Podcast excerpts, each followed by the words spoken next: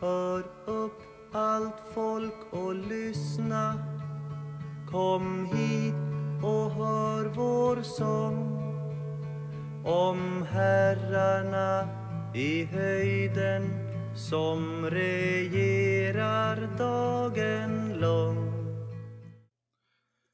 Hej och välkomna till ytterligare ett avsnitt av Brödrafolkens podd. Din favoritpodd i kategorin tre vuxna män som googlar saker tillsammans. Eh, vi kommer som vanligt mer eller mindre direkt ifrån den hemliga poddbunken djupt under Svinesunds vatten. Jag som pratar nu heter Max. Och med mig har jag som vanligt Albin Hallå, hallå? och Grime. Ja, hallå? Och ehm, ja, vi kan väl konstatera denna veckan att ehm, eh, vårt traditionsenliga julpynt i, eh, i bunken, nämligen den eh, eh, likt, likt busken i Moseboken, ständigt brinnande julbocken, eh, har tagit sig an lite annan ton denna veckan. För det visar sig nämligen att eh, eh världen är långt mycket mindre stabil än vad vi trodde att den var. Eller om den nu är det. Ja, alltså.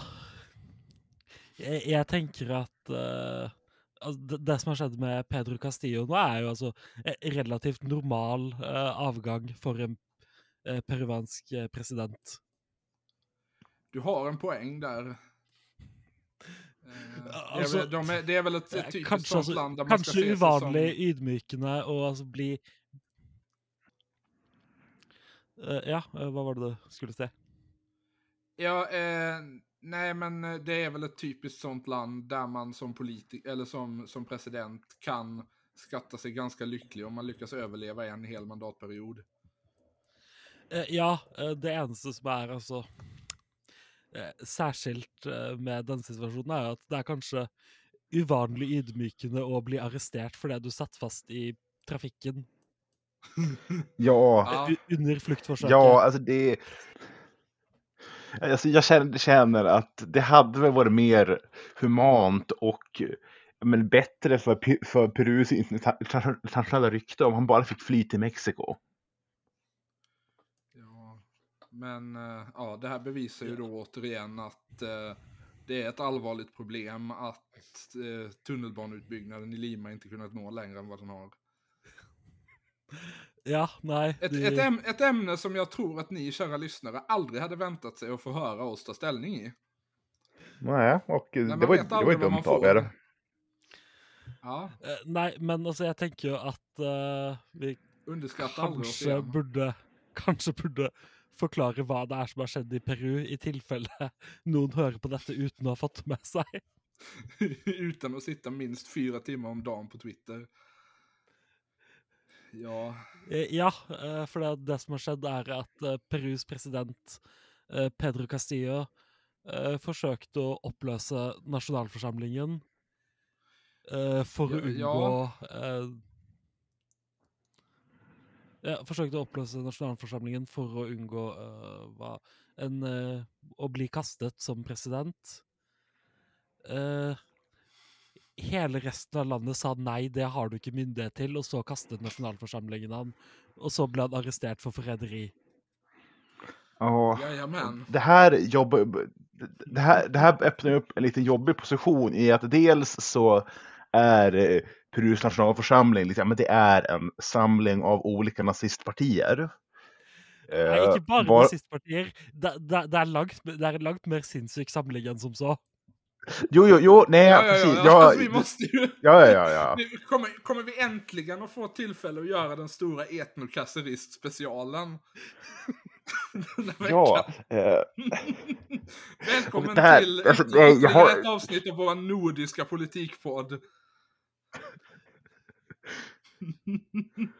Eh, ja, eh, för er som mot förmodan inte är besatt med Arturo Humalas eh, eh, framfart. Etnokasserism. Eh, jag, jag, jag liksom bäst kan sammanfattas som nationalbolsjevism med inka, karika, med liksom inka-drag. Ja. ja. Ja. Eh, deras förkämpe, eh, som har suttit i fängelse fram typ i förrgår för att ha försökt genomföra en statskupp, eh, ligger, bra, li, ligger på andra plats i, valen, i opinionsundersökningarna för nästa val. Hans vallöfte Ja. är bland annat att avrätta sin bror, som var president fram till 2016. ja. Alltså vi behöver väl knappast till, det är väl knappast nödvändigt att tillägga att den, att den här mannen har vår podds eh, fullständiga officiella stöd. Ja, jo, nej, men alltså, jo, nej, men nu, nu har Perus eh, proletariat, bondeproletariat prövat den, in, den internationalistiska eh, europeiska eh, ideologin marxism-leninism med homofoba drag. Nu, men nu, nu har de inget val att återgå till att nej, men kasta ut européerna. Skjut dem, skjut dem nu. Eh, eh, en annan annen mulig analyse av den politiske situasjonen i Peru er jo at uh, avsetningen av Castillo Eh, viser eh, hvor grunnleggende naivt det er å tro at man kan innføre sosialisme gjennom å delta i det borgerlige demokratiet, och og at eh, veien videre for det peruvianske proletariatet er eh, forsterket støtte for eh, den skinnende veien og eh, Gonzalo Stanke. Ja. Eh, och, och det här ger mig lite Jag- tillfälle i att eh, f- Jeg tenker at Forsøke ut- begge de her er altså legitime s- standpunkt. Det er også de Ja. to eneste legitime standpunktene i Peru. Ja, jo, nej, men så här, alltså, i vilket fall som helst, om du är i Peru och lyssnar på det här, beväpna dig. Gå ut i skogen, ja precis. Ja, du, har, du, har, du har två val. Eh, uppsök, alltså, försök organisera en cell i eh, Perus eh, militariserade kommunistparti. Eller bli, ja men, börja bra skjuta lite europeer. Det här, det, här, det, här, också, det här är också satir i Minecraft. Jag kommer klippa bort det här. Fan, vi skulle inte göra det här igen. Ja, vi lovade ingen terroruppvigling den här veckan. Eh, Alternativt, altså hvis du ikke ønsker noen av disse to, eh, to eh, valgene, så, kan du jo stemme på altså eh, Bondepartiet som hvis hovedsak er at de tror at lederen deres er eh, profet. Ett ord, alltså det är ett så fruktansvärt otroligt liksom Alltså det är, så, det är så coolt det här landet så det saknar motsvarighet i mänsklighetens historia. Ja, jo, det, det, det finns... Ja, ska Ja, altså, säga? det, Det det er jo som hvis altså, Nord-Korea var et flerpartidemokrati. Det er, det er jo det nivået av sinnssyke partier man har her. Ja, vill säga, så ja, det går inte att, liksom, att understryka att det- det här är liksom ändå mer normalt. Det här är liksom de två partierna som gick in till andra omgången när Pedro Castillo valdes förra året. Det var ett men ett, ett, på, på ena sidan hans uttalade marxist-leninistiska parti och på andra sidan partiet dedikerat till minnet av Perus diktator och styrt av, han, av hans dotter som var fjärde år, år ställer upp till val och var fjärde år förlorar med lite, lite, lite grann. mm. mm. eh, ska ju nämnas då att den här diktatorn styrde fram till år 2000 tror jag. Ja, de var ju, de var ju ganska sena på bollen där måste man ändå säga. jo. Eh, liksom, Detta var eh, ju då efter att eh, Peru på typ 70-talet hade haft vad, jag, vad som jag tror var eh, Latinamerikas enda militärjunta som var uttalat vänster. Ja, jag har, gjort, jag har läst lite om Chile på sistone. Chile hade en sån några gånger på 20-talet när militären tröttnade på att eh, lönerna var så låga och eh, kongressen så höger så de kuppade bort president, de kuppade bort kongressen och tvingade presidenten att genomföra sin, sin agenda utan kongressen. Sen, fly, sen flydde presidenten till Italien i sex månader. Mm. För att Italien tenker det i også er slutet verdt på å nevne. 20-talet. tenker det også er verdt å nevne at eh, den uh, høyrediktatoren eh, som eh, i Peru Alberto Fujimori, et utrolig sterkt navn. ja, Ja, man måste, ändå ge, man måste ändå ge de peruanska nazisterna det att just på det planet är de trots allt förvånansvärt färgblinda. Eh, Ja, alltså, Ja. mellom Sen är ju frågan hur de skulle reagera om det var en person med liksom något, något sydamerikanskt urfolksbakgrund. Ja, jo, det har vi sett hur de gör nu. Eh, De, de tar bort honom. Jo, Ja. eh, typ så. Nei, men altså, mellom uh, etnokacherismo og eh, Fujimori-bevegelsen, så er det altså en svært altså, flerkulturell uh, høyreekstremisme i, i peruviansk politikk. Ja. Det... Mm. Ja, det är ett Eh, pe- land detta. Det, Per Perus det neste president. Kanye West.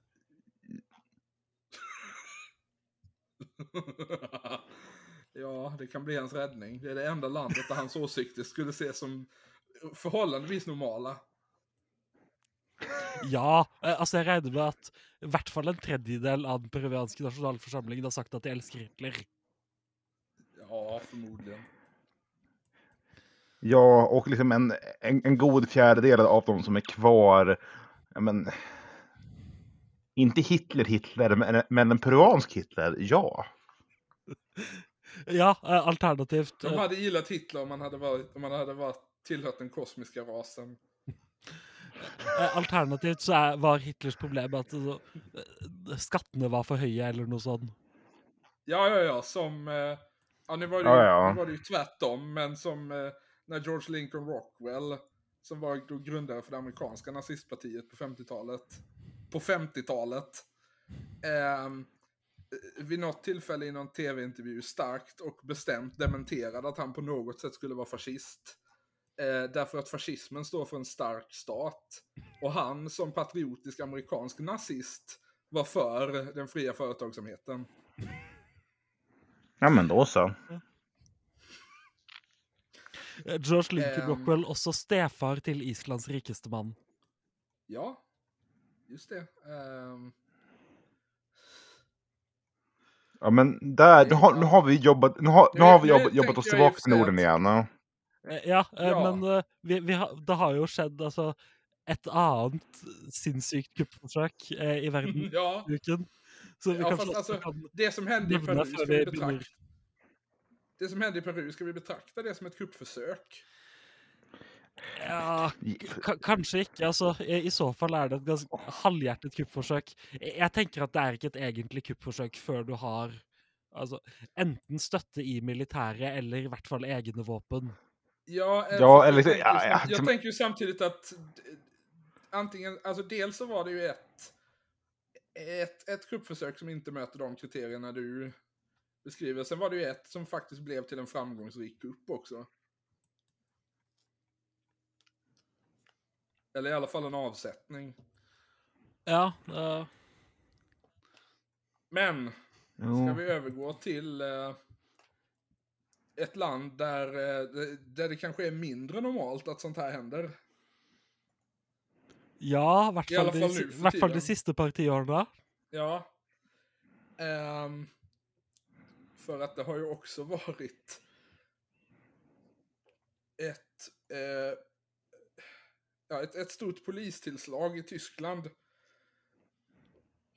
Där de eh, upptäckte att det var en, en högerextrem krets kring den så kallade Reichsbürgerrörelsen.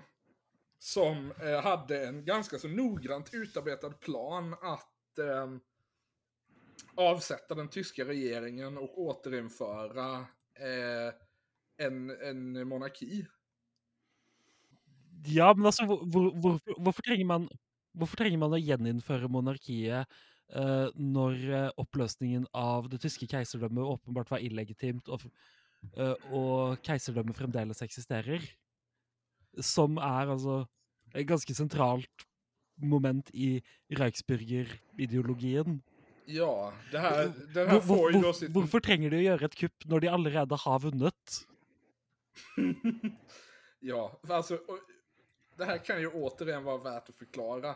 Det här är alltså en, eh, en, en konspirationsteori i Tyskland som går ut på att ehm, eftersom den eftersom Nazityskland i slutet av andra världskriget aldrig formellt eh, kapitulerade, utan det var bara militären som gjorde det, så menar de att eh, det tyska riket fortfarande har eh, en formell folkrättslig existens. Och att den nuvarande tyska regimen eh, är eh, på något sätt, alltså de, de brukar beskriva det liksom som ett privat företag. Men att det här i alla fall då är en, en illegitim konstruktion som infördes av de allierade efter kriget. Och som inte, all, inte på något sätt är eh, Tysklands rättmätiga stat. Alltså jag tänker att både ett privat företag och en illegitim konstruktion infört av de allierade efter kriget är ju strängt att inte Alltså de är inte så långt ifrån det, det, varandra. det, det er jo ikke direkte feil, vil jeg påstå. Nej, inte det senare i alla fall. Alltså det var ju, visst det var ju tyskar inblandade i den processen. Men samtidigt, alltså det var ju ganska mycket av, framförallt om du tittar under förbundsnivån så var det ju väldigt mycket av den nuvarande maktstrukturen i Tyskland som bara skapades rakt av under militärockupationen. Ja. Ehm, men ja, de här människorna menar då att eh, den tyska staten inte i själva verket eh, har en juridisk bas för att existera. Och att eh, det som är Tysklands rättmätiga regering är de själva. Det, det er jo veldig Ja, Ja. det måste man ändå säga är slående. Ja. Ehm, Det, här, det, här, det, här, det här är också Bröderna Folkets podds ståndpunkt, att vi är Tysklands legitima regering. Eh, det- pe- personlig tenker jeg at altså Ja, precis. Vi ställer oss alltså inte bakom Reichsbürgerrörelsen. Det vi tycker är att det är vi som ska ta över. Eh, Ja, nei, altså, jeg, jeg har Ja. ingen interesse av å ta over Tyskland, men jeg tenker at eh, eh, kong Christians landslov åpenbart er illegitim og ikke har noen som helst eh, rett til å eh, styre over eh, den norske nasjonen, eh, og alle senere lover basert på den eh, er da også grunnleggende illegitime. Altså er den, el altså er den eldste gjeldende loven for Bergen eh, kong Magnus Lagabøtes bylov for Bergen. Eh, Og Bergen er en uavhengig bystat eh, som styres av eh, meg, tenker jeg. Ja. Provisorisk eh, re- regering av en. Ja, eh, Men eh, det, det jag egentligen vill prata om här. er hva Reichsbürgerne har gjort nå. Ja, alltså. Ja, men eh, för att avsluta det där. De, de tror ju då att det är de själva, att eh, eftersom det inte finns någon annan legitim re, regim i Tyskland så har de själva rätt att göra lite vad de vill. Mm. Eh, och har därför en ganska så utarbetad eh, struktur för att utfärda till exempel sina egna pass. Eh, vilket de gör och eh, då och då liksom kommer i nyheterna för att det är någon som har försökt att resa med ett sånt här Reichsbürgerpass. Som ser typ exakt likadant ut som ett vanligt tyskt pass, bara att det står Deutsches Reich istället för Bundesrepublik. Ehm, och de är då också, eh, har, har då också den för högerextrema terrorgrupper lite ovanliga förtjänsten att de tycker extremt illa om den tyska polisen. Eh, så de, Eh, eh, Men hvorfor egentlig? Er, er ikke uniformene prøyssiske nok? eh, nej, men de tycker väl att, eh, att polisen är liksom förtruppen för den här illegitima bolagsstaten ja, ja. Eh, som sagt, alltså. är väl sättet jag förstår det. Alltså om ni, om ni, vill, om ni verkligen vill höra om det här i detalj eh, så ska ni gå och lyssna på avsnittet som vår systerpodd Cornerspeti gjorde om Reichsbürgerrörelsen förra året tror jag. Eh, de har precis eh, låst upp den så att den är tillgänglig för alla, inte bara de som betalar pengar till dem. Så det är värt att, att lyssna på den.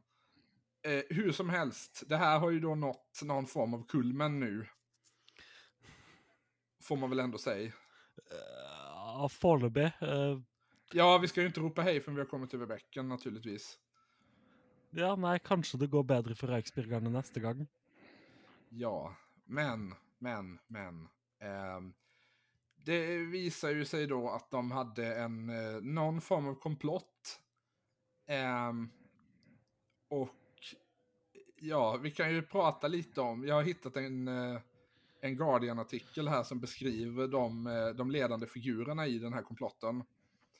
Eh, och vi får väl helt enkelt börja med mannen som de ville göra till ny tysk kejsare. Lite, alltså inte alls en avkomling till den familjen som var Tysklands kejsare före 1918, för de är i regel Alltså jag vill ju inte säga att de är normala människor, för det är de definitivt inte, men de har väl liksom typ nog med vett i sig för att fatta att det här inte är något vinnan, någon vinnande taktik. Ja, de, de har alltså ett, De har ett par hundre millioner å tape på å blande seg inn i sånne ting. Ja. Eh, utan detta är då istället eh, en man med, eh, ja, jag, jag skulle säga väldigt, eh, väldigt målande namnet. Eh, Heinrich den trettonde, Furste av Reuss. Eh, och ehm, den här eh, Reuss-familjen är då en något lägre stående adelssläkt. som fram... Noe laverstående, altså de, de, Det meste de noensinne kontrollerte, var et par småbyer i Tyringen. Ja, jag skulle, precis säga, jag skulle precis säga exakt det. En familj som styrde över ett par småstäder i Thüringen fram till 1918. Ehm, och eh, ja, en grej som har blivit väldigt uppmärksammad är då att eh, den här familjen har den märkliga egenheten att ända sedan de fick sina länder på 1200-talet eh, så har de i tacksamhet till den tysk-romerska kejsare som gav dem de här länderna döpt samtliga manliga medlemmar av den här ätten till Heinrich. Det är ju, fan, det, är- det är ju stilen då, det får jag ge dem. Ja, eh, de har Men, men dessutom... så, samtidig, det, det her er jo en greie som alle adelsfamilier gjør. Eh, Forskjellen er at vanligvis har man en tre-fire navn, og man kaller det opp etter noen i familien. Ja, eller två om det är det danska kungahuset. Ja. Eh, Og av og til slår man de sammen til Christian Fredrik. Ja. Ehm, men de har också en lite annan egenhet, vilket är att istället för att ha ett, ett regentnummer på familjens överhuvud så ger de eh, någon form av serienummer till alla manliga medlemmar i släkten.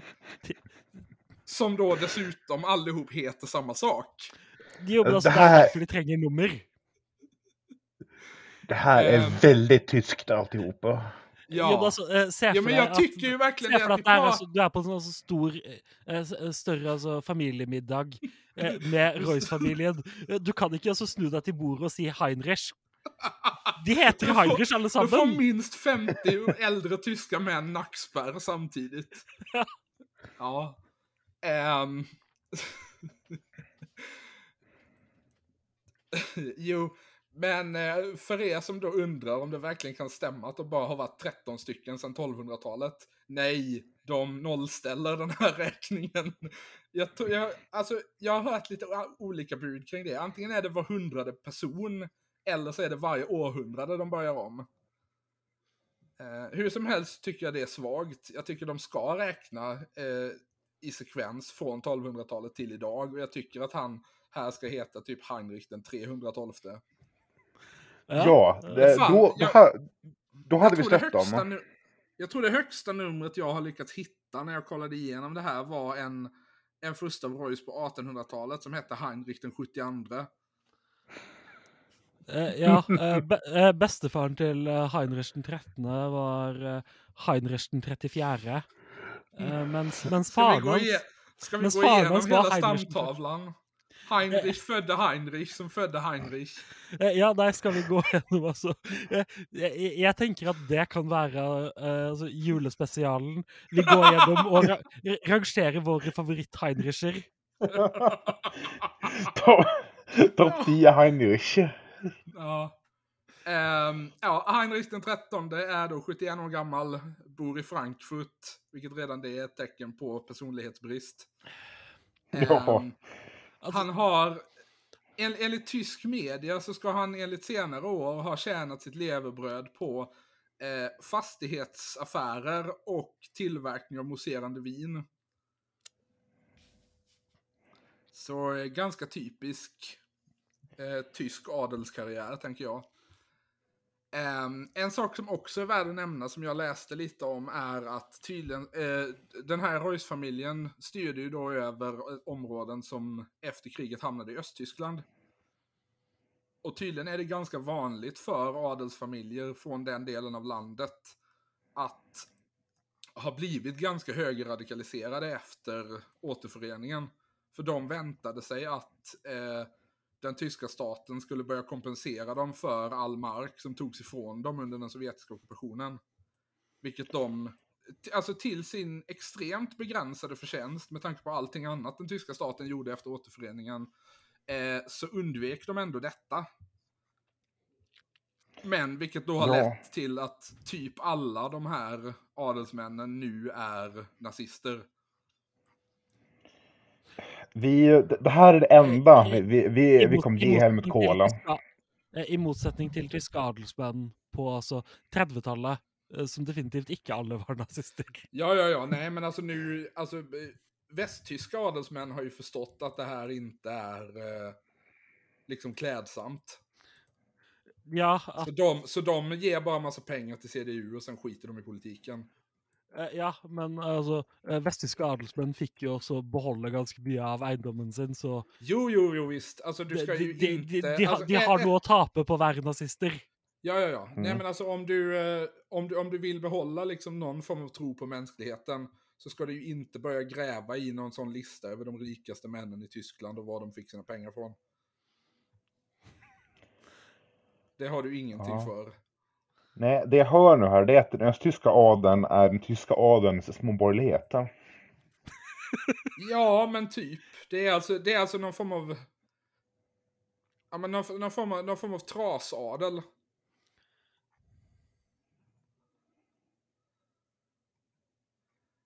Ja. Hur som helst så har eh, överhuvudet för den här familjen, eh, prins Heinrich den 14 av Greis, eh, tagit avstånd i starka termer från sin släkting och beskriver honom som en förvirrad gammal man som, eh, förlorade, som tappade kontakten med familjen för 14 år sedan. Eh, Jo, men altså, Man kan jo åpenbart ikke høre på altså, Heinrich den 14. Eh, Man hører jo bare på altså, nummeret at han er en lavere rangert Heinrich. ja, precis. Det är så det funkar i Royce-familjen, att har man ett lägre nummer så får man gå före.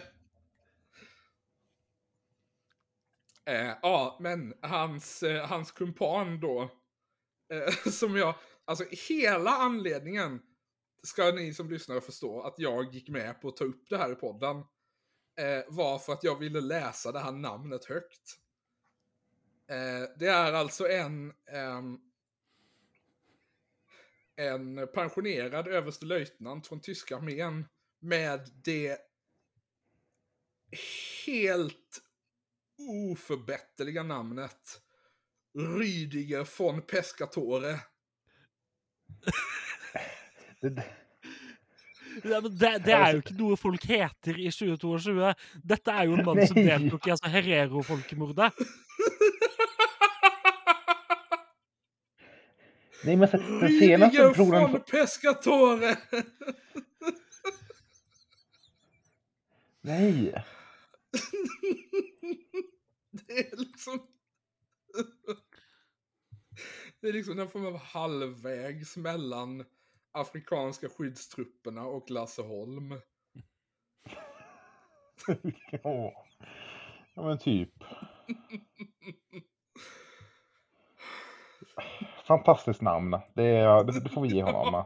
Alltså jag tror detta kan vara...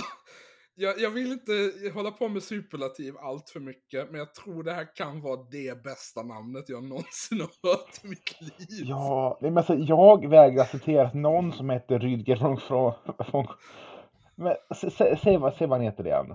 Eh, Rüdiger von Pescatore. jag, jag, jag accepterar inte att det finns kvar någon sån. Den sista Rydger från Pescatore sköts av ryssarna 1945. Ja, altså, eh, jeg tenker det er det er, det er to alternativer.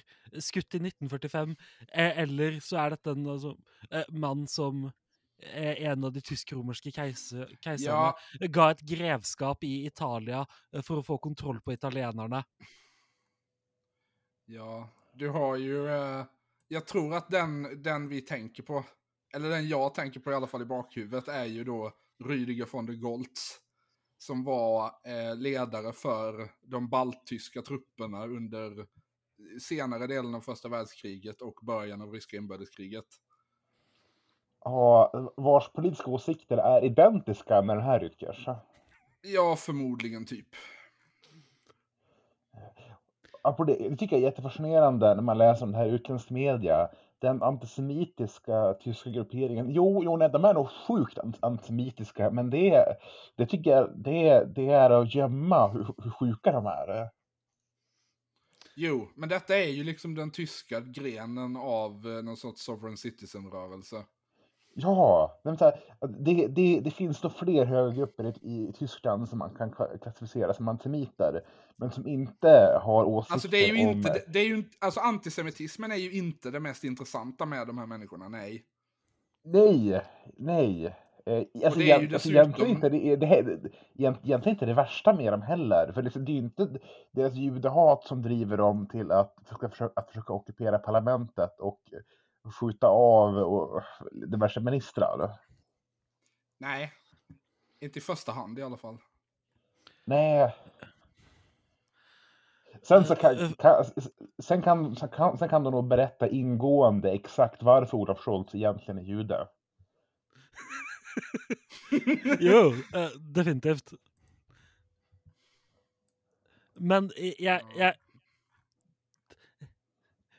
Genuint, det som fascinerer meg mest eh, med eh, hele denne historien Og jeg innrømmer at det her er en ekstremt merkelig ting å henge seg opp i, eh, er at det finnes altså tyske monarkister som er villige til å gjennomføre et statskupp for å innsette altså, medlem av Royce-familien ganske fjernt ute i altså, arvfølgen.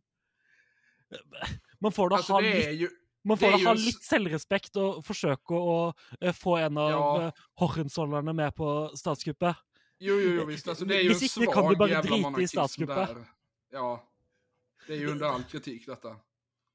Det blir som å Ja, være altså, eh. fransk monarkist og ikke være fornøyd med altså, de tre alternativene du har med Bonaparte, eh, Orléans Aha, eller dette- Bourbon. eh, Og heller velge en eller annen tilfeldig greve fra 1700-tallet. Det fan, ja, det är alltså, det, det här är alltså den tyska motsvarigheten till Naundorfismen. Vent, hva er dette? Ja, nej, Det det, här, det här var nytt för mig. Det här det var en grej som var stort i Frankrike typ tre år på 1880-talet eller något sånt. Där det var någon slumpmässig tysk greve som kom till Frankrike och utgav sig för att vara ehm, på något sätt släkt med Bourbon, alltså den ursprungliga Bourbonlinjen som ska ha dött ut. Eh, Jo, jo, men altså, da, Der er det jo altså fremdeles basert på altså, en tilknytning til Bourbon-linjen. Eh, Så er jo altså bourbonismen den klart teiteste av de tre store franske monarkistbevegelsene. Alltså det är, ju den, det är ju den mest liksom ärliga. Av de tre. Det är ju den som liksom i minst grad utger sig för att vara någon form av folkmonarki. Ja. Ja, eh, men eh, jeg jeg er eh, en stor eh, er eh, fan av den minst ærlige av de tre, altså bonapartismen. Jeg tenker at hvis du skal være altså fransk monarkist, så får du i det minste være bonapartismen. Ja. Ja men vilken... Be be Bourbonene av- eller Orleanene av- Moskva. Men, men du säger, alltså, vilken gren av, alltså, vi- vilken av de två bonapartistiska tron, tronpretendenterna är det du, är du står bakom? Eh, nei, det tenker jeg ikke er så viktig. Jeg håper bare alle har det gøy.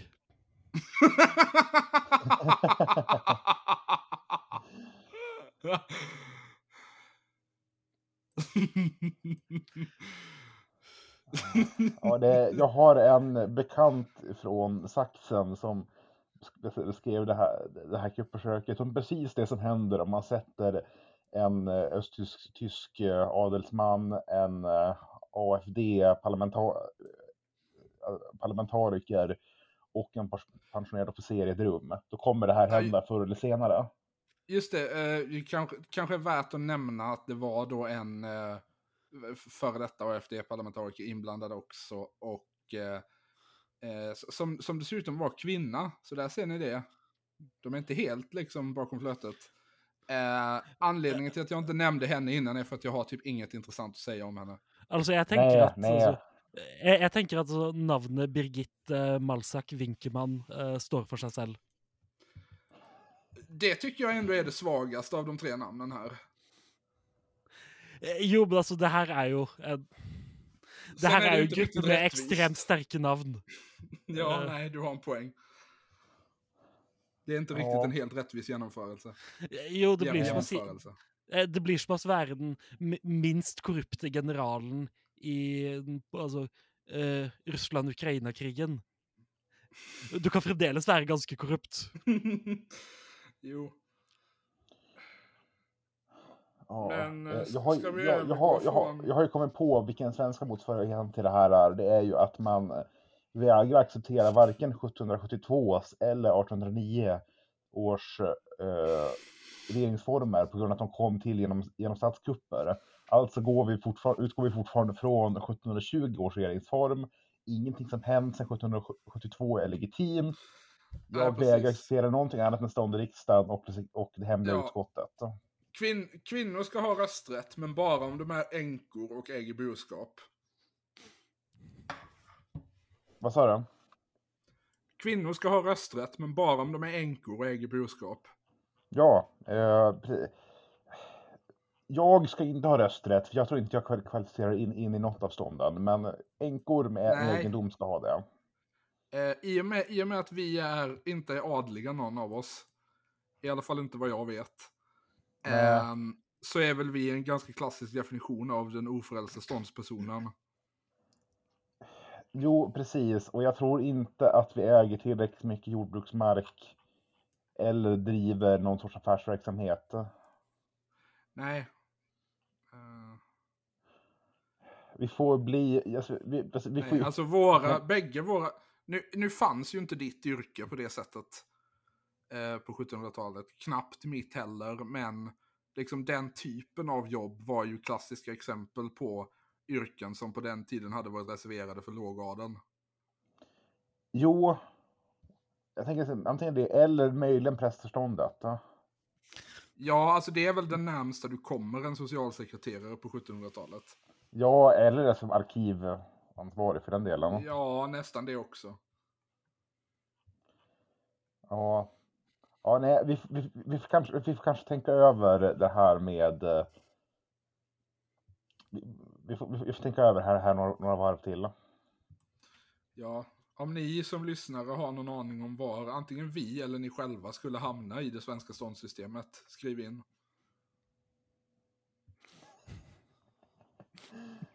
Ja, men eh, är vi klara med statscupps eh, eh, Alltså det är va? kanske på sin plats att vi så här 40 minuter in i podden ska börja prata om Norden.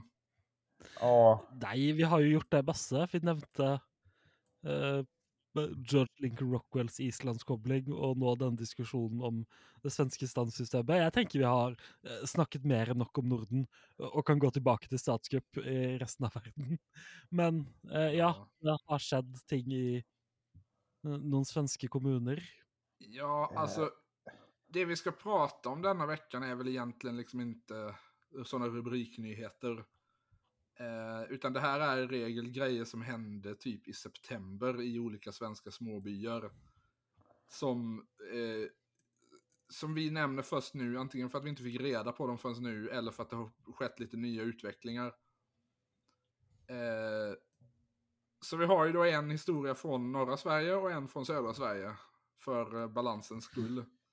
ja. Och då Jag har vi gjort kan en leda med den uppdelning att, norrländska. Att jag ska prata om det som hänt i, eh, kommunen jag har varit i och Max ska ha, prata om det som hänt i kommunen. Får han åtminstone bor relativt nära. Ja, eh, det får man väl ändå säga. Eh, jag kommer, vara, jag kommer befinna mig där imorgon kväll. I, I ett par minuter medan tåget stannar. Ja men se där, då har du varit, varit där till och med. Uh, ja. Ja, jag har Ja, men man, bilen eh, och varit och tankat och grejer. yes. ja, men jag, jag, jag, vill jag, på, jag vill påstå att jag känner det här samhället ganska bra. Men se där. Ja, nej, men jag ska prata om otroligt normalt beteende i Lycksele, ett ställe i södra Lappland där det bor, ja, Ja, all- all- södra all- Lappland eller inre Västerbotten beroende på vem du frågar antar jag. ja, jo, det Men är jag så är tänker att vi kör på den Eh. antikoloniala linjen här. Precis. Eh, där det bor ja, men ungefär så många människor som nämns i den här artikeln. Det är, jag kan inte bevisa att de inte är 100% av invånarna. Nej, alltså de är väl då... Det är väl de plus de som ingår i den här hatmobben. Ja, jo, jo, men där, där, där, där har vi ganska... Eh, värt, värt att nämna om det, det, det enda jag egentligen vet om Lycksele, det är att de ska ha haft ganska utbredd frikyrki, fri, frikyrkorörelse. Jag, vet inte om det spelar Ja. in, men jag, jag, jag, jag väljer att tro det. Kristdemokraterna är näst största parti i kommunfullmäktige. Jo, Med, det, ti- det, med det, 10 av 31 mandat. ja, det, det, det tror jag är en ganska ny grej och har mer att göra med att lokala kristdemokraterna är duktiga och lokala sossarna inte duktiga. Jo, visst, men de har ändå funnits och varit liksom ganska starkt representerade sen åtminstone 70-talet. Jo, nej men sagt var, det är stark fri, fri religiös bas här. Mm. Eh, Lycksele har liksom förut varit en av de här kommunerna som ibland har liksom röstat på Folkpartiet. Alltså typ Ja, de kom in pluralitet. 66 i både, kommun, i både stad och landskommun, så precis efter att KD grundades. Mm. Eh, Ja, nu kör vi igång. Vänta lite, jag måste bara läsa en grej till här från Wikipedia. Eh, Lycksele fick stadsrättigheter år 1946 som den första staden i Lappland. Orten kallas Lappstockholm. Ja, och ja, marknadsför sig som staden i Lappland med hänvisning till det faktum att orten dels var Lapplands första stad, dels att den tidigt blev en viktig mötesplats. Stad, jo, nej men o- o- objektivt korrekt i hela två år. Eh, Där, Mm. där hörde Fiktons Lycksele. Ja, eh, det, det bor alltså 8660 personer i tätorten, 12 273 i kommunen. Det här är dubbelt så mycket som jag, som jag trodde faktiskt. Eh, Det visar ju att det här, mina fördomar om... Ja, nu, nu, nu byter jag till, till Västerbottens inland. Ja, de, de, de Den andra kommunen vi ska mindre prata om är faktiskt nästan exakt lika stor. Både Ja. tätorten och kommunen. Dock inte till ytan, uppenbarligen. Nej, det hoppas jag inte. Eh, Ja, nej, men nu, nu kör jag igång med otroligt normalt beteende. Eh, Gör det. Eh, Så kunde en ny skolmatsedel väcka så mycket hat i Lycksele. Tallrikar som slängs, som slängs i golvet, mat som kallas grismat och glåpord på sociala medier. Det fick måltidspersonalen i Lycksele att ut, det, det fick måltidspersonalen i Lycksele utstå när kommunen ville servera grekiska biffar, falafel och linssoppa. Eh, så gick det till när en, när en ny skolmatsedel fick marken att skaka under fötterna på en i vanliga fall ganska osynlig arbetsgrupp. Ja, det är ju värt att då nämna då att den här artikeln kommer ifrån tidningen Kommunalarbetaren. Ja, Eh, som alltså är eh, fackförbundet Kommunals medlemstidning. Och eh, det fackförbundet organiserar då eh, bland annat eh, eh, skolmatspersonal och annan liksom servicepersonal inom skolorna. mm. Hur kunde det bli så här? Den frågan ekar i huvudet på Petra Lindblom, 53 år. Ja, när, när, när hon är på jobbet. Det är slutet av september och doften av ma- matos sluter sig runt henne. Det gör även ångan från kastrullerna, men det är någonting annat som skär hennes fokus. Ute i matsalen, bland eleverna, går det nästan att ta på föraktet. Porslinstallrikarna släpps i golvet, glåporden dansar och mat kastas i luften. Ibland brister det för för en av hennes kollegor som bryter tillbaka. Petra Lindblom har jobbat, som närmast två, jobbat i, i närmare två år som kallskänka på Tanbergsskolan. Det här är första gången hon har ont i magen på jobbet. Hon vill inte gå ut i matsalen. Det var lynchstämning, säger Petra Lindblom när hon blickar tillbaka.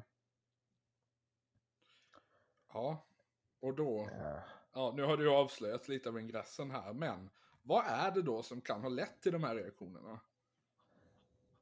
Ja, hade, hade jag inte spoilat mig själv och artikeln så... Ja, nej, nej, alltså det finns som ingenting. Jag kan inte. Det, det, det är så dumt. Det är så dumt, det är så dumt, det är så dumt. Eh, det, det har gått mer än en liten tid se- sedan den här dagen i september. Då strålkastarljuset riktades mot västerbottniska Lycksele. En ganska så os, osynad Ja, då har yrkesgrupp. vi eh, ett, ett, ett,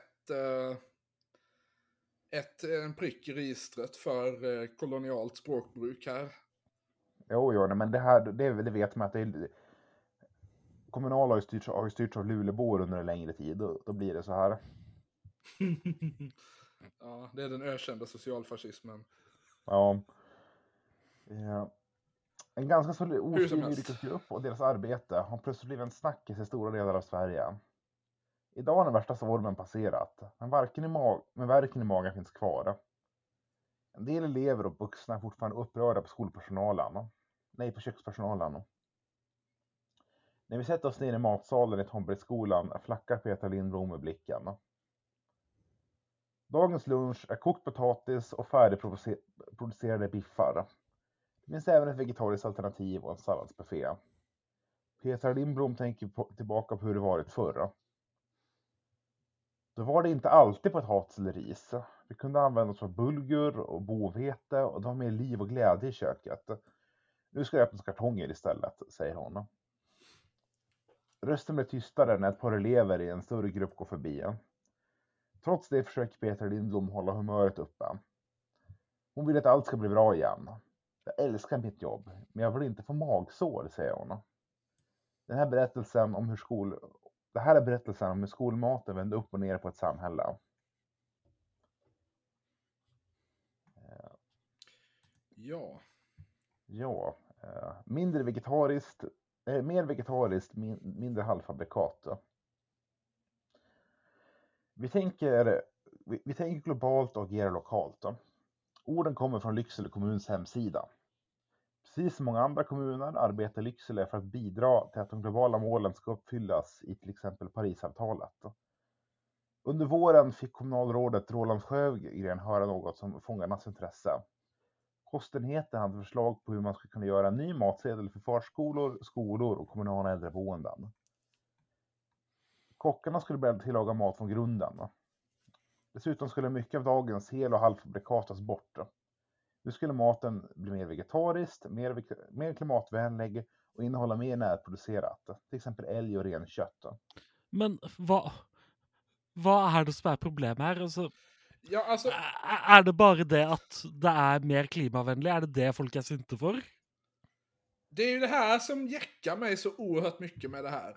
Alltså Albin, det, det, det, det är bra att du är här när vi gör detta, för jag vill inte dra några förutfattade meningar över den, den nordsvenska matkulturen här. Mm. Men... Ja. Jag var under perioder som barn väldigt eh, irriterad på min skolmat.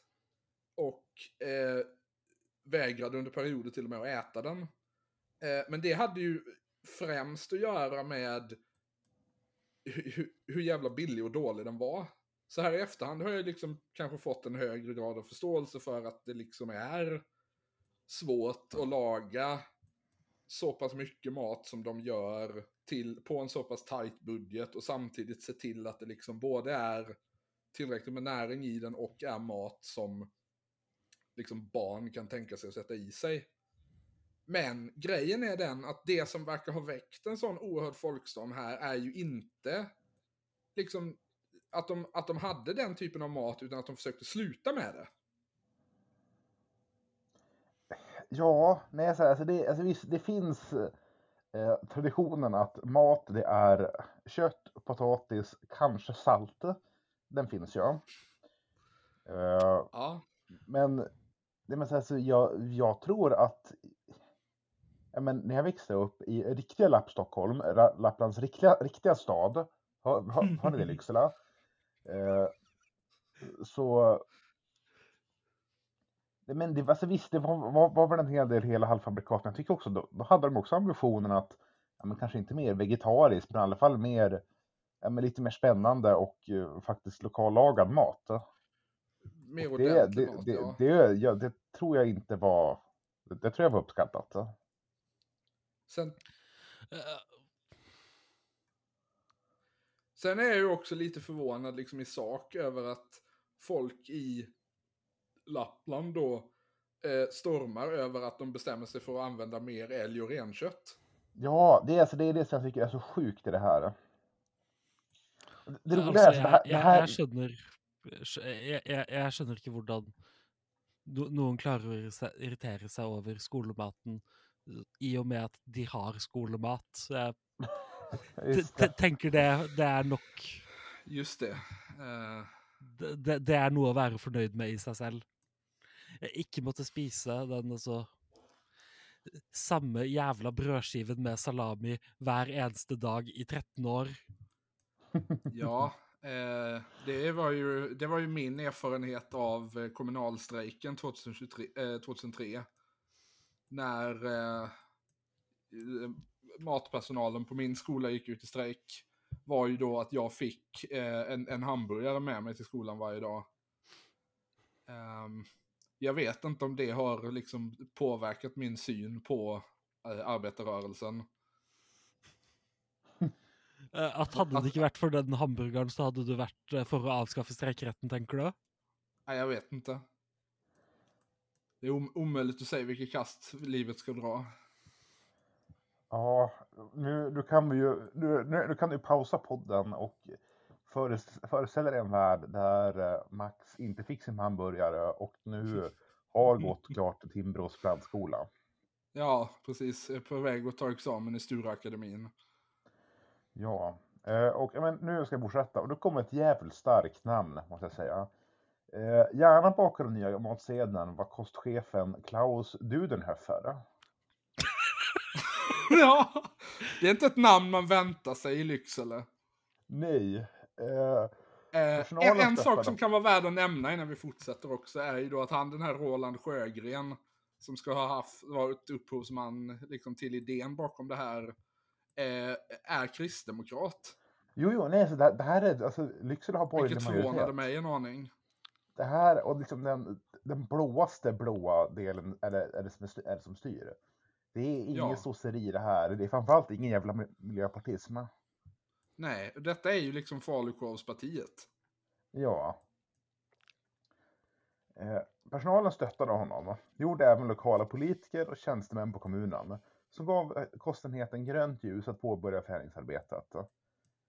Men det fanns en gnutta oro, åtminstone hos förskolekocken Anna Öbrand. Visst var det jättekul att få laga ny mat från grunden. Man är lite stolt över att servera någonting man gjort själv. Jag är född och uppvuxen i Lycksele, men jag visste knappt hälften av alla lokala alternativ som, fan, som finns här, säger hon och tillägger. Men jag förstod också att vissa maträtter skulle sticka i ögonen.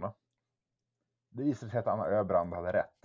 Men efter en vecka kritiserade flera barn och vårdnadshavare maten. De vårdnadshavarna som man kastar sten på säger jag och inte Anna Öbrand. Det här var retorializing från min sida. Det, det där är alltså inte ett citat. Nej, nej, eh, det finns Och inte det är heller inte i Minecraft. Nej, eh, det är bara min, in, inte sin uppmaning, med konstaterandet. Så, så borde ske. Det kommer inte ske, men i en rättvis värld. Eh, Anna Precis, vi, Öbrand säger var inte, vi säger alltså inte heller vad våra lyssnare ska göra, utan bara Nej, nej, ni ska inte begå brott. Framförallt inte begå brott för att jag säger åt er att göra det. Eh, Däremot om ni helt självständigt skulle komma till slutsatsen att det här vore en rimlig grej att göra, så är det ju såklart inte vår plats att tala emot. Nej, och det, och det var Max som sa det där, inte jag. Eh, Og d- dessuten, altså eh, så er det ingenting vi kan gjøre for å stoppe dere. Så altså Selv Nej, vi nej, nej, alltså, jag, gjøre det, alltså, så jag bor två timmar kan vi bort. inte göra något med jag, det, jag är visst det gör närmast. Mm. Eh, Anna Öbrand var beredd på åsikter, men hon, hon, aldrig, hon skulle aldrig kunna tro att magsäten skulle väcka så mycket hat. Då. Eh, plötsligt var det tillåtet att kalla lunchen för grismat, kattmat och vidrig. I sociala medier har, har vuxna Lyckselebor vid olika tillfällen skrivit att skolkockarna borde bytas ut. Då. Ilskan stannade inte heller på nätet. För Beta Lindblom blev, var en ögonöppnare när hon besökte, besökte tandläkaren. Personalen frågade om hon jobbar med. Svaret var inte uppskattat. Det blev knäpptyst i, i, rummet. Och, man kunde nästan ha skurit, med, skurit i luften. Ska inte egentligen veta vad jag jobbar med under Petra Lindblom. Det här, eh, på min, det här är det mest, det här är den bästa beskrivningen jag någonsin fått av svensk tandvård och personalen som jobbar där.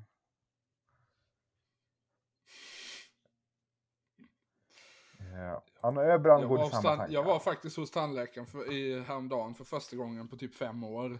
Eh, och det visar sig att eh, begreppet öppet kontorslandskap tydligen har spridit sig till den branschen. Å nei! Vilket inte var någonting jag var beredd på när jag gick dit. Nej, jag, jag Eh, håller mig nog det borta ett var, tag till. Det var lite allsköns ljud man fick höra där medan de höll på att kontrollera det. Hva slags Ja. syk jævel er det som har kommet på dette? ja, det kan man fråga Ja, sig. folktandvården i, i Region Blekinge, nej. Ja, inte. nu ska jag ju säga, eh, med risk för att jag blir kanslad här, att detta var en privat tandläkare jag gick till. Eh, Graham, ehm, Vel, vel jo, altså ska, åpenbart. ska Altså, du eller jag er jo tredje host private. eller? Hva sa du, Alven? eh, Ska du eller jag ordna in en tredje host? För nu är vi bara två helt plötsligt. Det var, Max försvann. Jag, jag, jag, jag, jag vet inte hur det gick till. Eh, vel, uh, Alven. eh, Jag blir bortretuscherad. jeg beklager å skuffe deg, men eh, i Norge alle tannleger private. Eh, Ja, kära lyssnare. Det här är ett, en- det här är ett enmansavsnitt. Jag har, jag, har bara, jag har bara gjort röster fram till nu. det, Ja, det siste precis. året ha- har bare vært deg som spiller karakterer. Ja, Det ja, visar sig att det här bara har varit en förlängd psykos. ja. Den här podden existerar i själva Det verket en- inte, utan det är bara, det är bara Albin som sitter som, som i slutet på Brasil, sitter lobotomerad i en stol och inbillar sig att saker händer runt omkring honom. Bröder, Men, Bröderfolkets äh, podd. äh, Den enda podcasten där du, där du, där du får 70 timmars ljudcontent av min eh, total, totala psykiska sönderfall. Eh, Eh, Men Ja. Albin, eh, hjelper, så har jeg ikke vært hos en tannlege eh, siden jeg ble 18 og det sluttet å være gratis. ja, men lite samma här. Jag tror 20... Ja, de gick jag tror- upp till från 18 till 21, precis så att jag åldrades i samma takt som, som åldrarna gick upp. Men sen jo. dess har inte jag varit hos tandläkaren heller. Nej, ja, samma. i, I Hordaland så hadde man en periode eh, eh, samme situasjon med ungdomskort på bussene. At eh, man økte mm, Ah, øvre alderen akkurat så, sånn at jeg fikk beholde det et år til. Okej, så då kostade det bara 2000 i månaden för dig att åka buss? Eh, nei, eh, bare 300. Det er nå det koster 2000. Eller Nei, det er jo Det ville vel vært 2000 eller noe sånt hvis jeg skulle kunne reist til hele fylket. Men for bare Bergen så koster det vel 800 i måneden. Ja, Okej, det är ju faktiskt inte så mycket dyrare än här. Nei eh, Jag vet inte vad det kostar i Göteborg och jag tänker inte kolla. eh, det känns Säkert som någonting man kan bli, bli deprimerad av och- i flera riktningar. Ja, eh, men ska vi, ska vi eh, ta Ja, oss igenom eh, den här? Skolematen i Lycksele. Ja, Anna Öbrand går i, går i samma tankar. Det blir alltid diskussioner och kritik när hon väl säger sanningen. Ilskan har, har även påverkat hennes barn. Barnen har, barnen har slutat säga vars mamma jobbar. Jag har fått höra att, ah, hur värdelösa alla skolköken är och de som jobbar i köken. Men vad är det för mat som väcker så mycket ilska? Bland annat linssoppa med kokosmjölk, grekiska biffar eller köttbullar och falafel. En del vuxna tycker att barnen Återigen, behöver... sinnessjukt att de rasar över att deras barn får äta älgkött. Men ja, genuint, hva faen er det som er problemet her? Eh, Mener de at all mat skal være altså eh, store kjøttstykker med All mat skal være altså store kjøttstykker med ihjelkokte poteter til, og kanskje litt Ja. Ja, men det är ju ungefär, eh, un, ungefär det jag serverades i skolan. Ja, nej men så här, jag, Brian, men tänker du om någon borde alltså, hålla med, med, med min åsikt att föräldrar ska hållas jävligt kort och inte ges något inflytande. Jo, Eh. jo, selvfølgelig. Man, man skal jo aldri altså man, man skal jo aldri faktisk høre på disse menneskene. Nej, Du, du, du, du gir dem altså et bullshit-svar som får til å tro at eh, du tar altså, deres hensyn eh, ser, seriøst og sånn, men eh, så, så gjør du det åpenbart fornuftige. I, I stedet for hva den er slags sinnssyk ting de ville. Ja, ja, ja. Eh, Ja, nu, nu fortsätter jag. Om, om någon gröna vågare valt att börja experimentera med skollunchen i Lycksele kommun så är det dags att denna fråntas ansvaret för skollunchen som lagas, skriver en personal, anonym perso- person i lokaltidningen. Eh, Mat Ja, läggs ok, på så, så, så det er det at de er sinte for at eh, maten eh, ikke er klimafiendtlig nok, som er, som er greia? Jo, jo, jo, nej men så här, man kan inte, man, Mm. man, man, kan, man kan inte känna hur en isbjörn drunknar när man, när man tar en tugga. Det är, det, det är alltså det här som är det grundläggande problemet. Det har blivit för mycket Stockholm i lappstockholm. Ja. Nej, men det är väl en lokal revolt mot Woke, tänker jag. Woke älgköttbullar. Eh,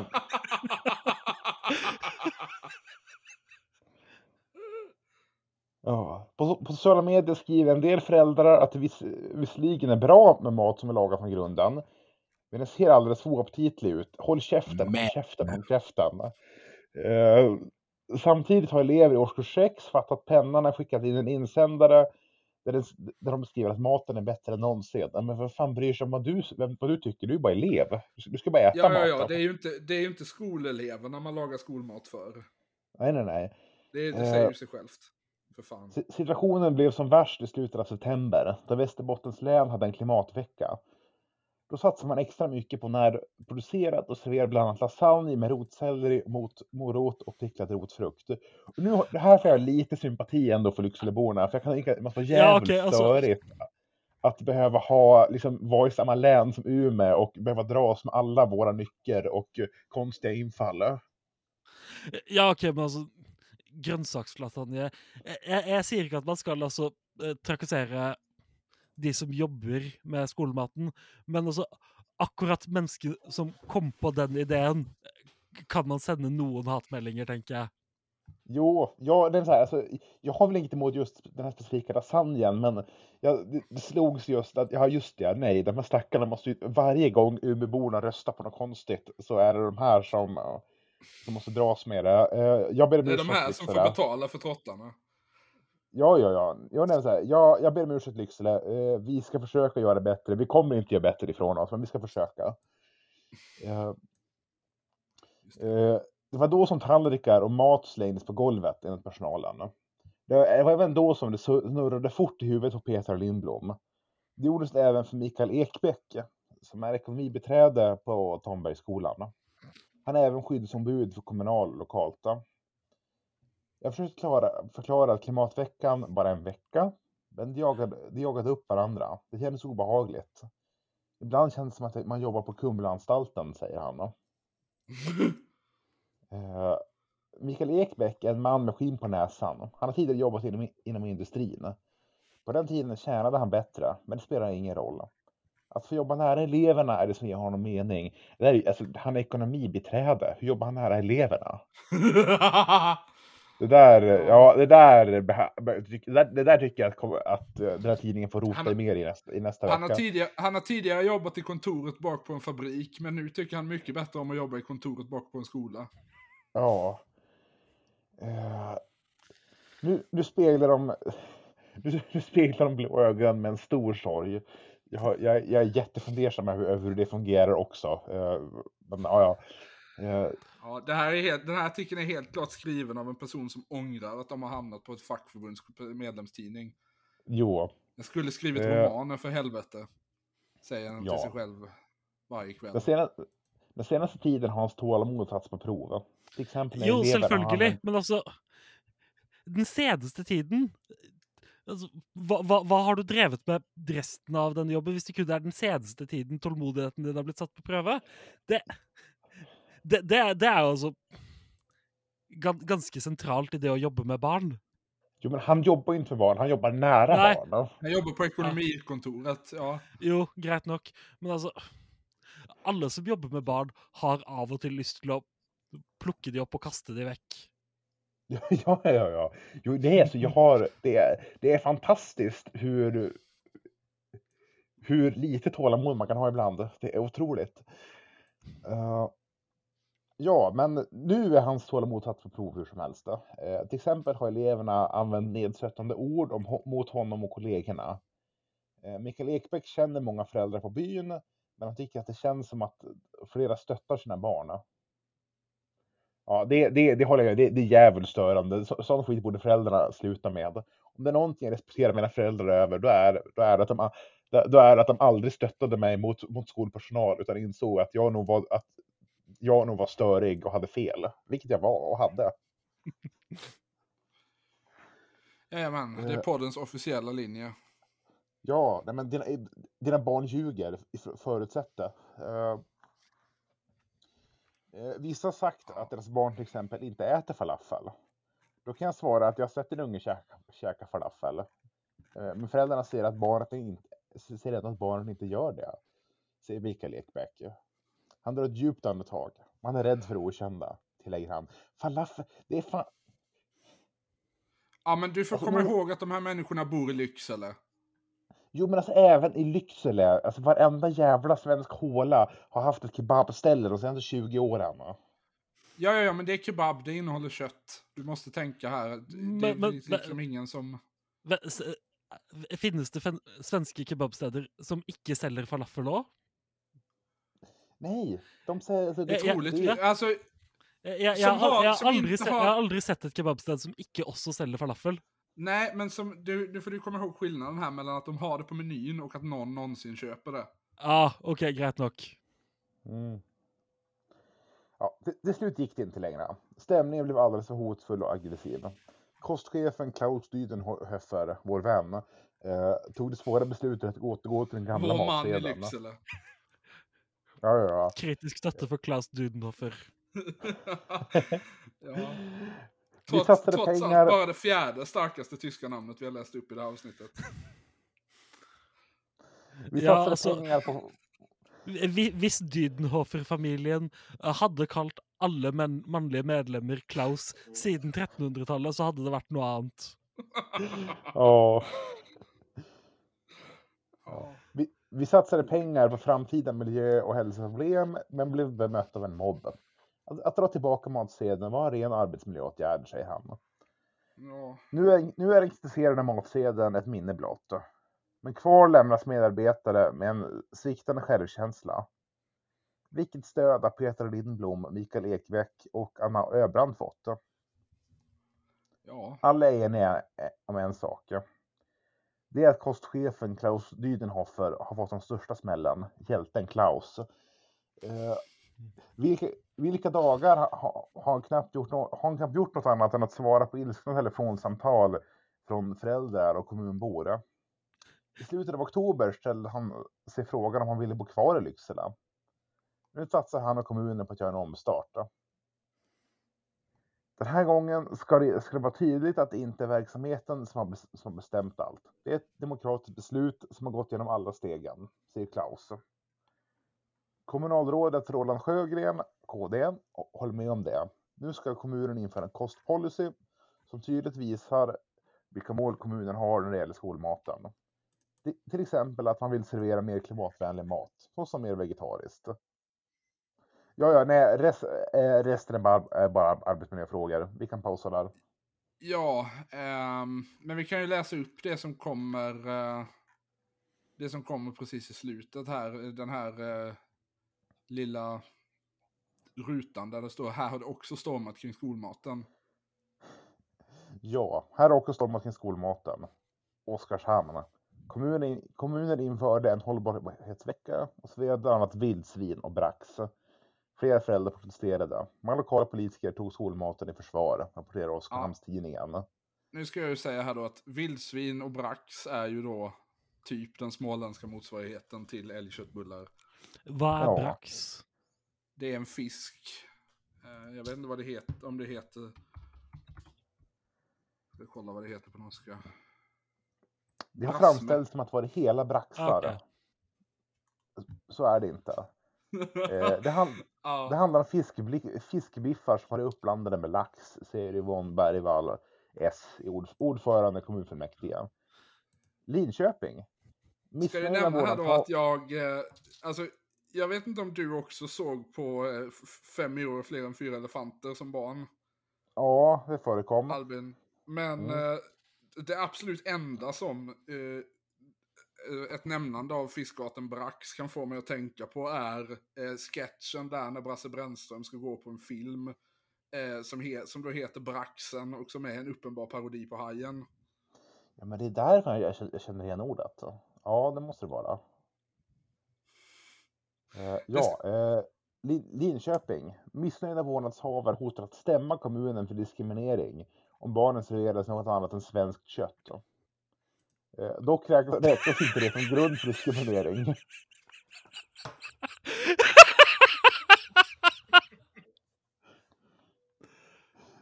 Ja men alltså det här är ju det mest liksom överdrivet stereotypa beteendet från en viss typ av svenska medelklassföräldrar. Som liksom absolut vägrar att någonsin köpa någon mat, någon som absolut vägrar att köpa något livsmedel någonsin som inte har en stor skylt där det står producerat i Sverige på.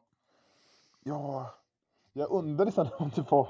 Alltså jag vill tänka mig att, de, att föräldrarna lämnar in det, stämningsansökan eh, för att barnen liksom, det serverades någon form av mat alls som inte var svenskt kött. De vill ha svenskt kött, punkt. De köra på den eh, Jordan Peterson-dieten. Ja, barnen ska, barnen ska ges psykoser för, för att de råkar äta äpplen. Om inte, om inte mitt barn vid 25 års ålder ligger nedspärrad i en intensivvårdssäng i Ryssland i en medicinskt frambringad koma så kommer jag att stämma kommunen. Ja, eh, Säffle. När, när skolköken hade en vegetarisk vecka var det många elever som led, enligt en insändare i lokaltidningarna. Otrolig formulering. Eh, skribenten undrar hur kommunen och kostchefen kan du tycka att det var en bra idé att ha en vegetarisk vecka?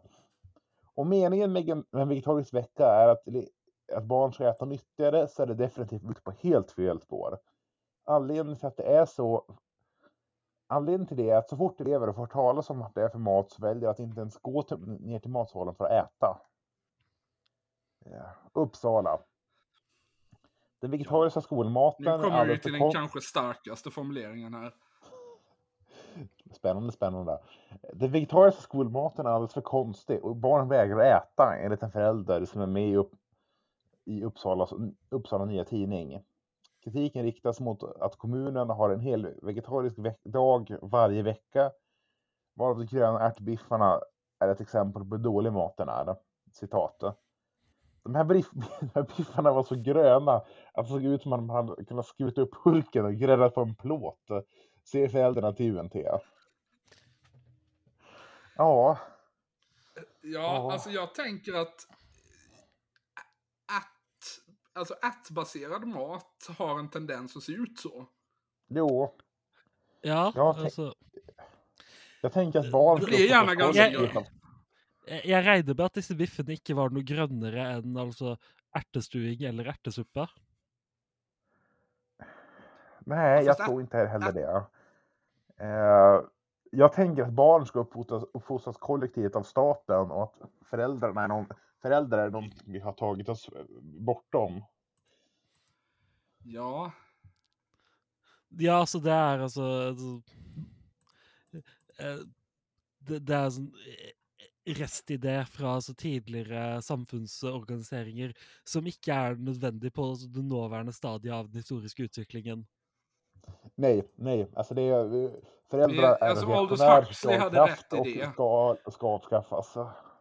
Aldous Ja. Huxley hade rätt i det. Vi måste börja tillverka barn i provrör. Nei, altså det trenger man ikke gjøre. Bare så opp, opptredde kollektivt eh, som Ceaucescu gjorde. Det, det, det fungerte strålende. Ja, ja, Ja, inga de, problem de med ungarna Rumäniens var lite bortklemade i alla fall. De hade inte sagt nej till vegetarisk mat.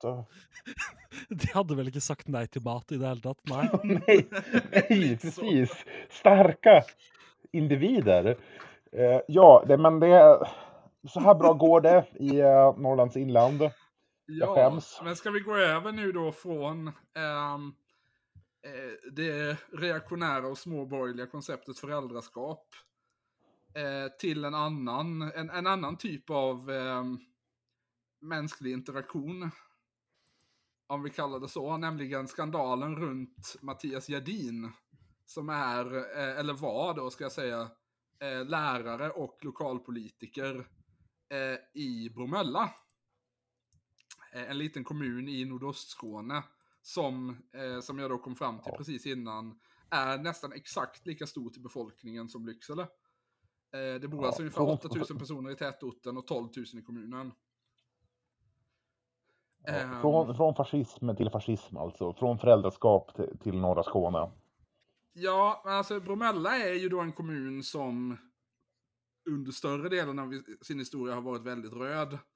För att där finns, alltså det är en, det är en väldigt starkt industrialiserad kommun. Dels så har du eh, Iver Sanitär som är en av Sveriges typ två existerande tillverkare av badrumsporslin. Jag vill påstå att de har tillverkat ungefär hälften av alla toasitsar i Sverige. Mm, så där. Eh, där den andra hälften då är Gustavsberg. Eh, och sen dels också pappersbruket i Nymölla som väl anställer några hundra. Eh, ett, av, ett av de största pappersverk, pappersbruken i Sverige. Ehm, Ja, okej, men de, Men ja, eh, men de har pappersbruk. Det är se- ser på Wikipedia her at eh, det har skjedd ting i Bromølla-politikken de siste 20 årene. ja, ja. Alltså det, en kanskje ikke helt återigen, heldig utvikling. Vi återkommer till eh, det här med små kommuner i södra Sverige, framförallt i Skåne. Um, Bromölla är ju då, trots att han är uppvuxen i Falkvik i Sölvesborg, så är det ju då Bromölla som är Jimmy Åkessons födelseort. Eh, och i och med att det ligger precis bredvid Sölvesborg och har ganska mycket av samma, eh, ja, men samma sociala struktur, även om Bromölla är mer av en industriort än Sölvesborg, så har det här inneburit att Sverigedemokraterna har eh, vuxit ganska kraftigt. Eh, Efter valet 2018 blev det en av de tre första kommunerna i Sverige där Sverigedemokraterna ledde kommunstyret. Ehm, tillsammans med då Hörby och Sölvesborg. Eh, men eh, det SD-färgade kommunalrådet avgick hösten 2020, vilket ledde till en lång politisk kris som slutade med att typ alla partier utom SD och Moderaterna gick samman och bildade ett nytt styre. Eh, som sen då faktiskt verkar ha fortsatt efter valet. Så att det här är då en S-styrd kommun. Mm. Ehm, men det är ju inte egentligen något av de här blocken som vi ska prata om idag. Utan det vi ska prata om idag är lokalpartiet, alternativet i Bromölla. Eh, som då alltså inte ska förväxlas med Alternativ för Sverige. Alternativ, är alternativ för Bromölla bättre eller sämre? Eh, alternativet i Bromölla, jag har inte riktigt lyckats hitta någonting om hur de passar in i vår lilla småpartitypologi här. Men eh, det, det som står på Wikipedia är att partiet grundades inför valet 2014 av initiativtagarna till namninsamlingen för den kommunala folkomröstning om bygge av en arrangemangshall som hölls i maj samma år. Så att det låter ju liksom som om det här är den den otroligt träiga lokalfrågefokuserade typen av lokalparti. Eh, hur som helst, de leddes väldigt länge av en man som hette Mattias Gerdin. Eh, som var lärare på Dalaskolan i Bromölla. Eh, han, han avskedades i början av november från sin post på den skolan.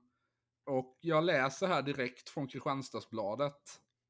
som jag faktiskt eh, för dagen, som jag faktiskt dagen till ära har bestämt mig för att eh, istället för att försöka bryta betalväggen, vilket är helt omöjligt med svenska tidningar idag, eh, helt enkelt betala tre kronor till dem för gratis, eh, eller för eh, en försöksprenumeration.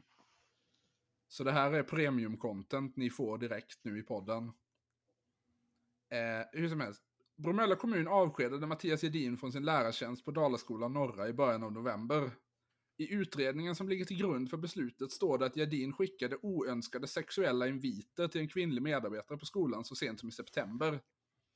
Bara en vecka före Kristianstadsbladets avslöjande om mångåriga sexuella trakasserier mot flera kvinnor och flickor. Enligt kommunens utredning har Gedin skickat meddelanden och bilder till den kvinnliga kollegan en längre tid, trots att hon gjort det tydligt att hon inte uppskattar inviterna. Det visar på en oacceptabel hänsynslöshet, står det i utredningen som skrivs under av HR-chefen Fredrik Stil. Eh, Jeg vil anbefale alle lyttere om å google Mathias Gjerdin og eh, finne et bilde av ham. ja. Det, dette er Det ikke her- veldig overraskende avsløringer når du har sett bildet. Alltså det här är, nu vill vi ju inte liksom göra oss skyldiga till förtal här, men jag tror ändå att i och med att det är ganska konstaterat att han har gjort detta, så kan jag ändå säga att det finns en ganska stark aura kring den här mannen av att vara en person som skickar dickpics. Um, ehm. enligt kommunens... Äh, Mattias Edin själv säger att uppgifterna inte stämmer. Vem är förvånad? Att personen arbetar på skolan är fel.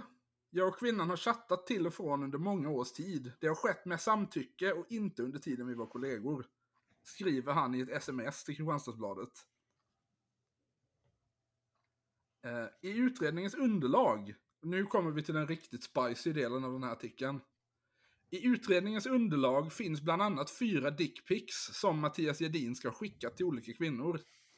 Dessa delade Bromölla kommun med sig av utan någon censurering när KB bad om att få del av utredningen.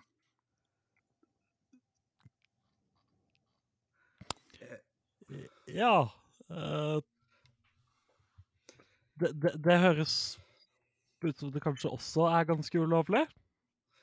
Eh, ja, det är väl det här jag vill komma till lite. Det här är ju anledningen då till att, den här nyhet, till att jag just fick upp ögonen för den här nyheten. För utlämnande av allmänna handlingar är någonting som jag lite nu och då har fått jobba med. Eh, och den svenska offentlighets och sekretesslagstiftningen fungerar ju då så. Nu ska vi ha våran eh, detaljerade eh, förvaltningsrättsgenomgång här i vår humorpodd. Mm. Ehm, Ja, Det- men det- altså, Hva kan vel være mer underholdende? Ja, ja, ja, nej. Men eh, det är ganska kort det här, jag lovar. Eh, den funkar så att eh, i princip så ska alla allmänna handlingar lämnas ut. Så länge man inte bedömer att ett utlämnande kan leda till att ehm, en enskild individ kan ta skada av det. Eh, och det är ju då det som är kruxet här.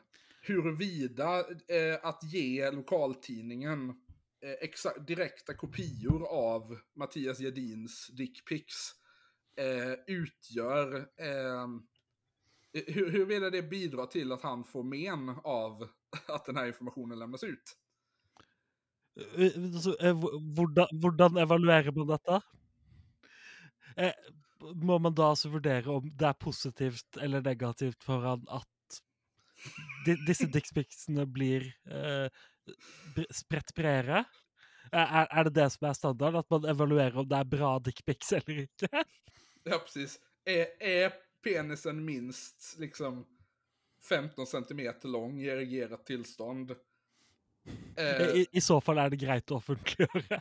Ja, exakt. Detta står konstigt nog i offentlighets och sekretesslagen. Ja, nej. Jag, ehm, jag, ser att, otroligt mycket fram till att högst, Högsta förvaltningsdomstolen ja, gör ett avgörande här om något år. Ja. ja. Eh, Det är klart att det är direkt olämpligt, säger journalisten Nils Funke som är expert i offentlighets och sekretessfrågor. Jag kan inte se det på något annat sätt än att han har utsatts för ett integritetsintrång genom att bilderna lämnar kommunen. Nils Ja, Funke Jag, hänvisar till jag tänker väl, nu kanske, nu, den här logiken kanske man kan applicera på andra sätt som inte jag håller med om, men om man inte vill få sådana, få sådana dickpics spridda, då kanske man inte ska skicka dem till sina kollegor på arbetstid. Lite så. Mm. Nils Funke hänvisar till ett stycke ur offentlighets och sekretesslagen och menar att bilderna är så integritetskänsliga att de borde ha sekretessbelagts och aldrig lämnats ut. Jag har mycket svårt att se att en myndighet ska bidra till att sprida sådana här mycket integritetskänsliga uppgifter om en person som dessutom är namngiven i sammanhanget. Det är ju inte bara så att det är en bild på någon i största allmänhet, utan det här går ju att koppla till en specifik person. Det är ganska solklart att den här personen skulle kunna lida skada eller men om den fick spridning. Jo, Bromölla jo. kommun har dock... Bromölla kommun har dock gjort bedömningen att, Mats, att Mattias Edin inte kan antas lida men om uppgiften röjs, som det heter i lagboken. Jag kan förstå att man reagerar. Den intuitiva uppgiften kan säkerligen vara sådan hos många. Icke desto mindre är det vår bedömning att det inte råder sekretess att lämna ut det här, säger kommunjuristen Johan Heyman. Han betonar att det finns ett stort krav på öppenhet när det gäller ärenden om avsked. Det är skydd för den enskilde egentligen, så att avsked, så att avsked inte ska kunna ske godtyckligt, säger Johan Heyman. Kan man inte tänka sig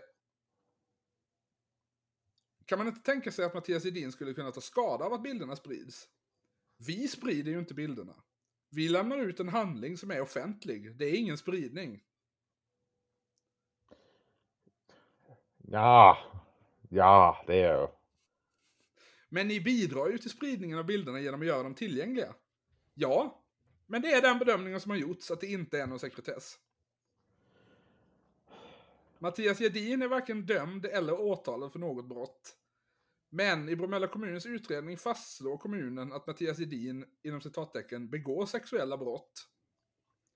Och påstår att Gedin inte hade blivit dömd för sexuellt ofredande om ärendet togs upp i domstol. Det känns ju som en eh, lite, lite skevare grej, eh, om jag ska vara ärlig. Ja, blir det inte som att kommunen agerar i en officiell domstol här? Nej, inte alls. Utredningen har ett arbetsrättsligt perspektiv och underlagen bedöms nu upp till nivån för brottet sexuellt ofredande. Ja, men det är skönt att de bedömer det. Ja, Jo, nei, Ja. altså det er jo Det er jo alltid greit å så eh, eh, s- selv bedømme at man ikke har gjort noe galt. Ja, jo, nej, den, det, det, det skriver jag i, i, all, i alla, alla mina utredningar på jobbet, att den här utredningen är genomförd korrekt och kommit till rätt slutsats. Eh, med tanke på er bedömning, varför har kommunen inte gjort någon polisanmälan? Eh, den frågan har inte diskuterats. Det lyder ju under allmänt åtal, så åklagare har också kunnat ta del av det ni har skrivit och kunnat väcka ett ärende på eget initiativ. Sen har vi potentiella målsägande som har möjlighet att anmäla det, säger kommunjuristen. Det där är ju sinnessjukt. Om åklagaren vill väcka åtal, då får de helt enkelt bara begära ut alla handlingar från kommunen för att se om någonting brottsligt har förekommit. Jo, jo, jo, men alltså som han betonar, det är ju trots allt ganska lätt att göra det. Jo, i och för sig. Alltså, jag köper, alltså, jag köper alltså deras grundpremiss. Det är inte de som sprider de här bilderna, det är han som sprider de här bilderna. Sen har han bara råkat komma lite längre än, än vad han har tänkt. Men det är, det är jag. Jag hade kunnat vara bättre kommunjuristen för, för, för Bromölla kommun och då har jag gjort 15 av 270 poäng på juristprogrammet. Ja. Och det är ju trots allt 15 mer än vad jag har gjort då. Ja, och 15 mer än vad eh, Bromölla juri- kommunjurist har gjort. Nu ska vi vara försiktiga här. Det är, en, det är en sak att uppmuntra till terrorbrott, men att ifrågasätta någons akademiska meriter.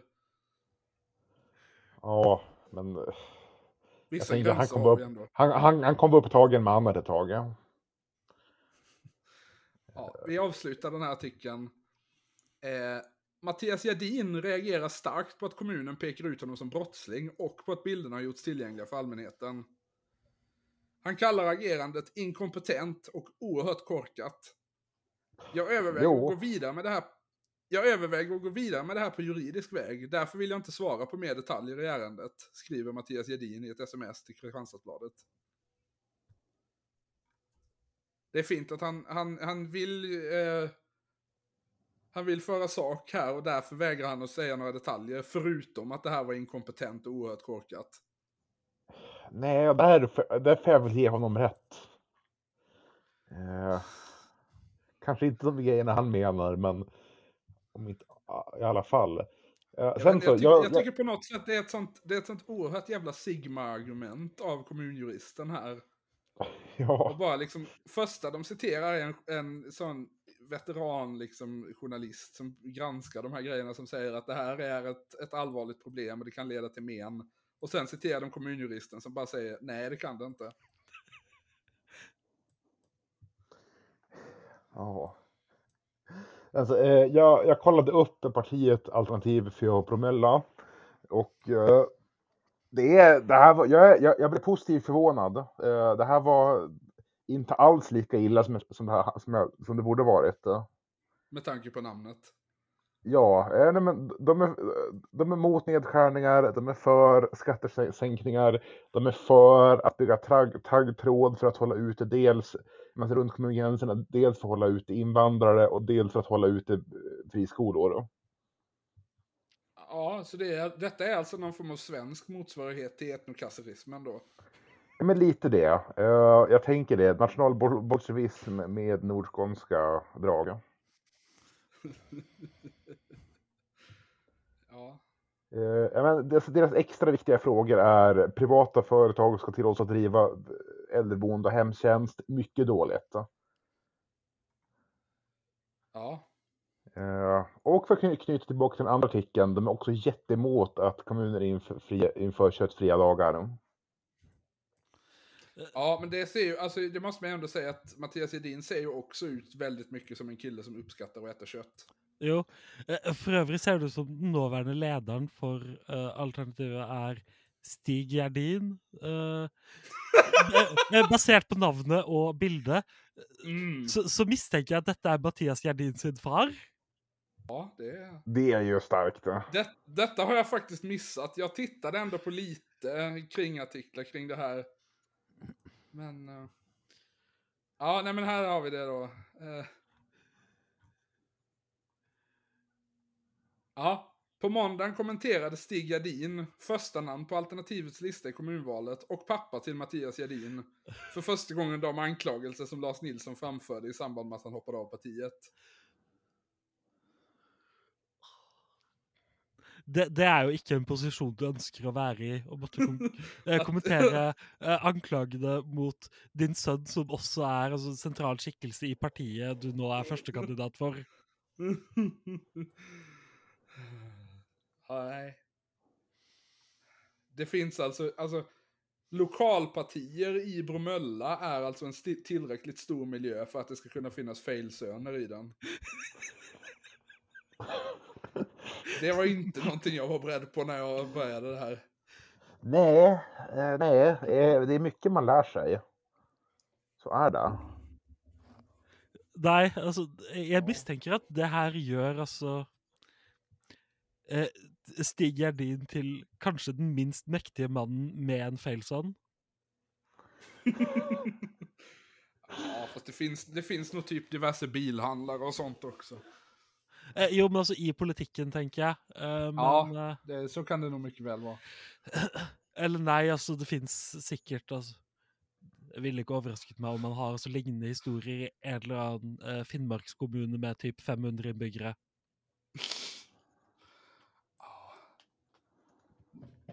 Men. Jag tycker det var ett avsnitt. Ja. Ja, eh, jävligt långt vart det. Ja. Men eh, vi tackar för oss helt enkelt. Det gör vi. Du, du som lyssnar har lyssnat på Brödrafolkens podd. Eh, du vet var vi finns. Om du inte vet var, du, var vi finns så kan du söka på Brodrafolkens på diverse ställen. Eh, vi får se om Twitter fortfarande existerar när det här avsnittet kommer ut.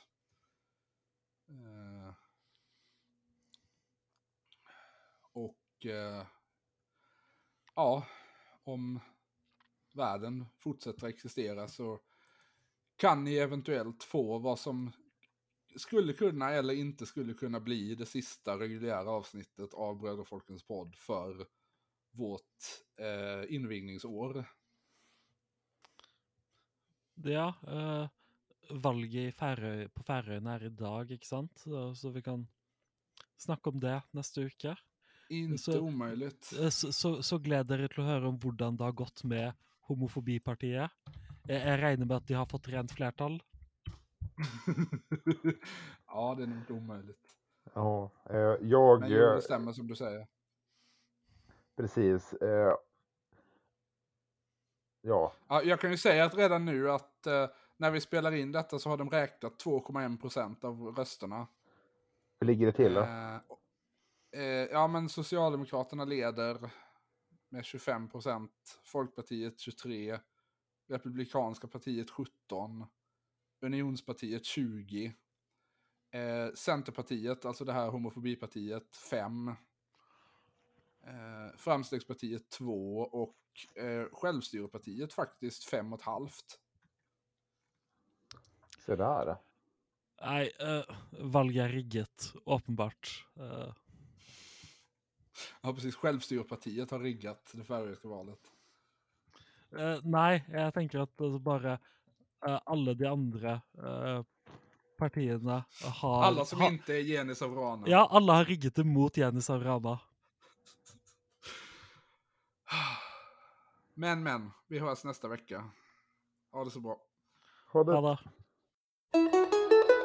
det.